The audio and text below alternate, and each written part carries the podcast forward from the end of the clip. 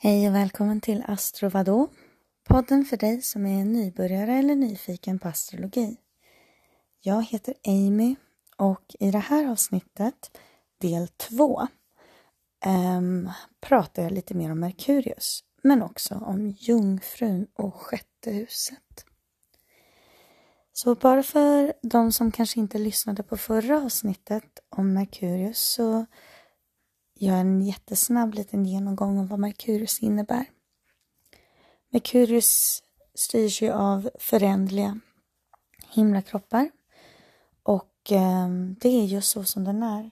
Den är ombytlig, den är kommunikationsstyrd, den är praktisk, den ehm, är analytisk, just det här tänkandet eh, som den styrs av, kommunikationen. Um, Merkurius i mytologin är ju, är ju gudarnas um, gudarnas du, du, du, du. Nu har jag tappat ordet, även fast jag sa det för två minuter sedan. Budbärare, där har vi det. Eh, det är gudarnas budbärare. Så att den för saker från en till en annan plats och eh, är väldigt fokuserad på uppgiften framför sig. Um, men om vi går lite mer på just jungfrun, på vilket sätt som den skiljer sig från tvillingen, som också är Merkuriusstyrd, så uh, är fokus hos jungfrun mer om arbete, hälsa, tjänande av andra, service, nytta. Att göra nytta är väldigt primärt för himlakroppar i jungfrun.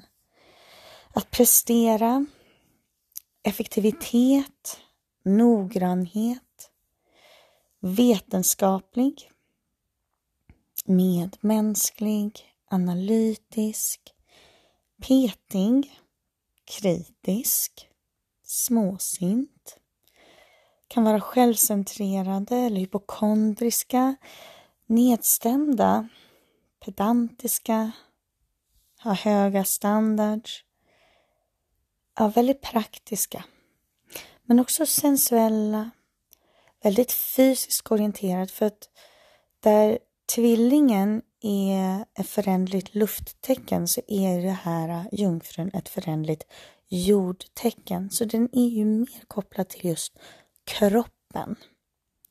För jord är ju väldigt nära knutet till kroppen. Eh, jungfrun är också självständig, konkret och, och en problemlösare. Um, den... Ehm, um,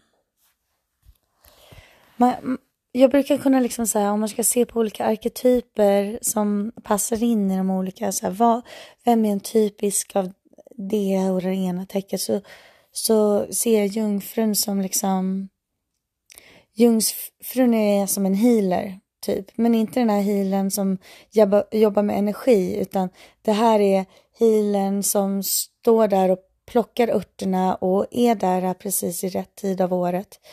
Och den är med i gamet och den, det är viktigt att göra saker på rätt sätt. Det är liksom läkare, det är eh, fysioterapeuter, det är PT, liksom. det är de som jobbar med kroppen och vill göra det på rätt sätt med, eh, med eh, ordentlig intention. Det ska, det är slöseri om det faktiskt inte gör nytta. Liksom. Anatomin, för jag har ju nämnt det tidigare, anatomin hos jungfrun, det som de styr, är matspjälkningssystemet, gallan, levern och bukspottkörteln. Och nu gör jag en liten fuskis för att jag glömde att säga det i förra avsnittet med tvillingen. Så att eh, det här blir en bubblare för de som har lyssnat på alla avsnittet om de vet det. Eh, baserat på mina inlägg. Eh, men anatomin hos tvillingen är um, nyckelbenen, axlarna, armarna, händerna, lungorna och nervsystemet. Sjätte huset då. Um, så himlakroppar som befinner sig i sjätte huset um, tar ut sin energi i de här områdena i livet. Arbete och jobb. Så pratar jag inte om karriär, vill jag bara påpeka, utan nu pratar jag om faktiskt liksom fysisk arbete, vilket arbete man gör för att nå upp till det som är ens karriär typ. Eh, så arbetsstil, hälsa, analytisk förmåga, husdjur, eh, dagliga rutiner, ärenden, ritualer, sysslor, anpassningar och problemlösningar. Det är sånt som sjätte huset styr.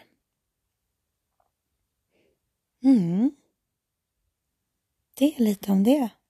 Lite mer helt enkelt, så som avsnittet antyder. Lite mer om Merkurius, jungfrun och sjätte huset. Och i nästa avsnitt så kommer jag prata lite om Merkurius cykler. Ha det bra, hej!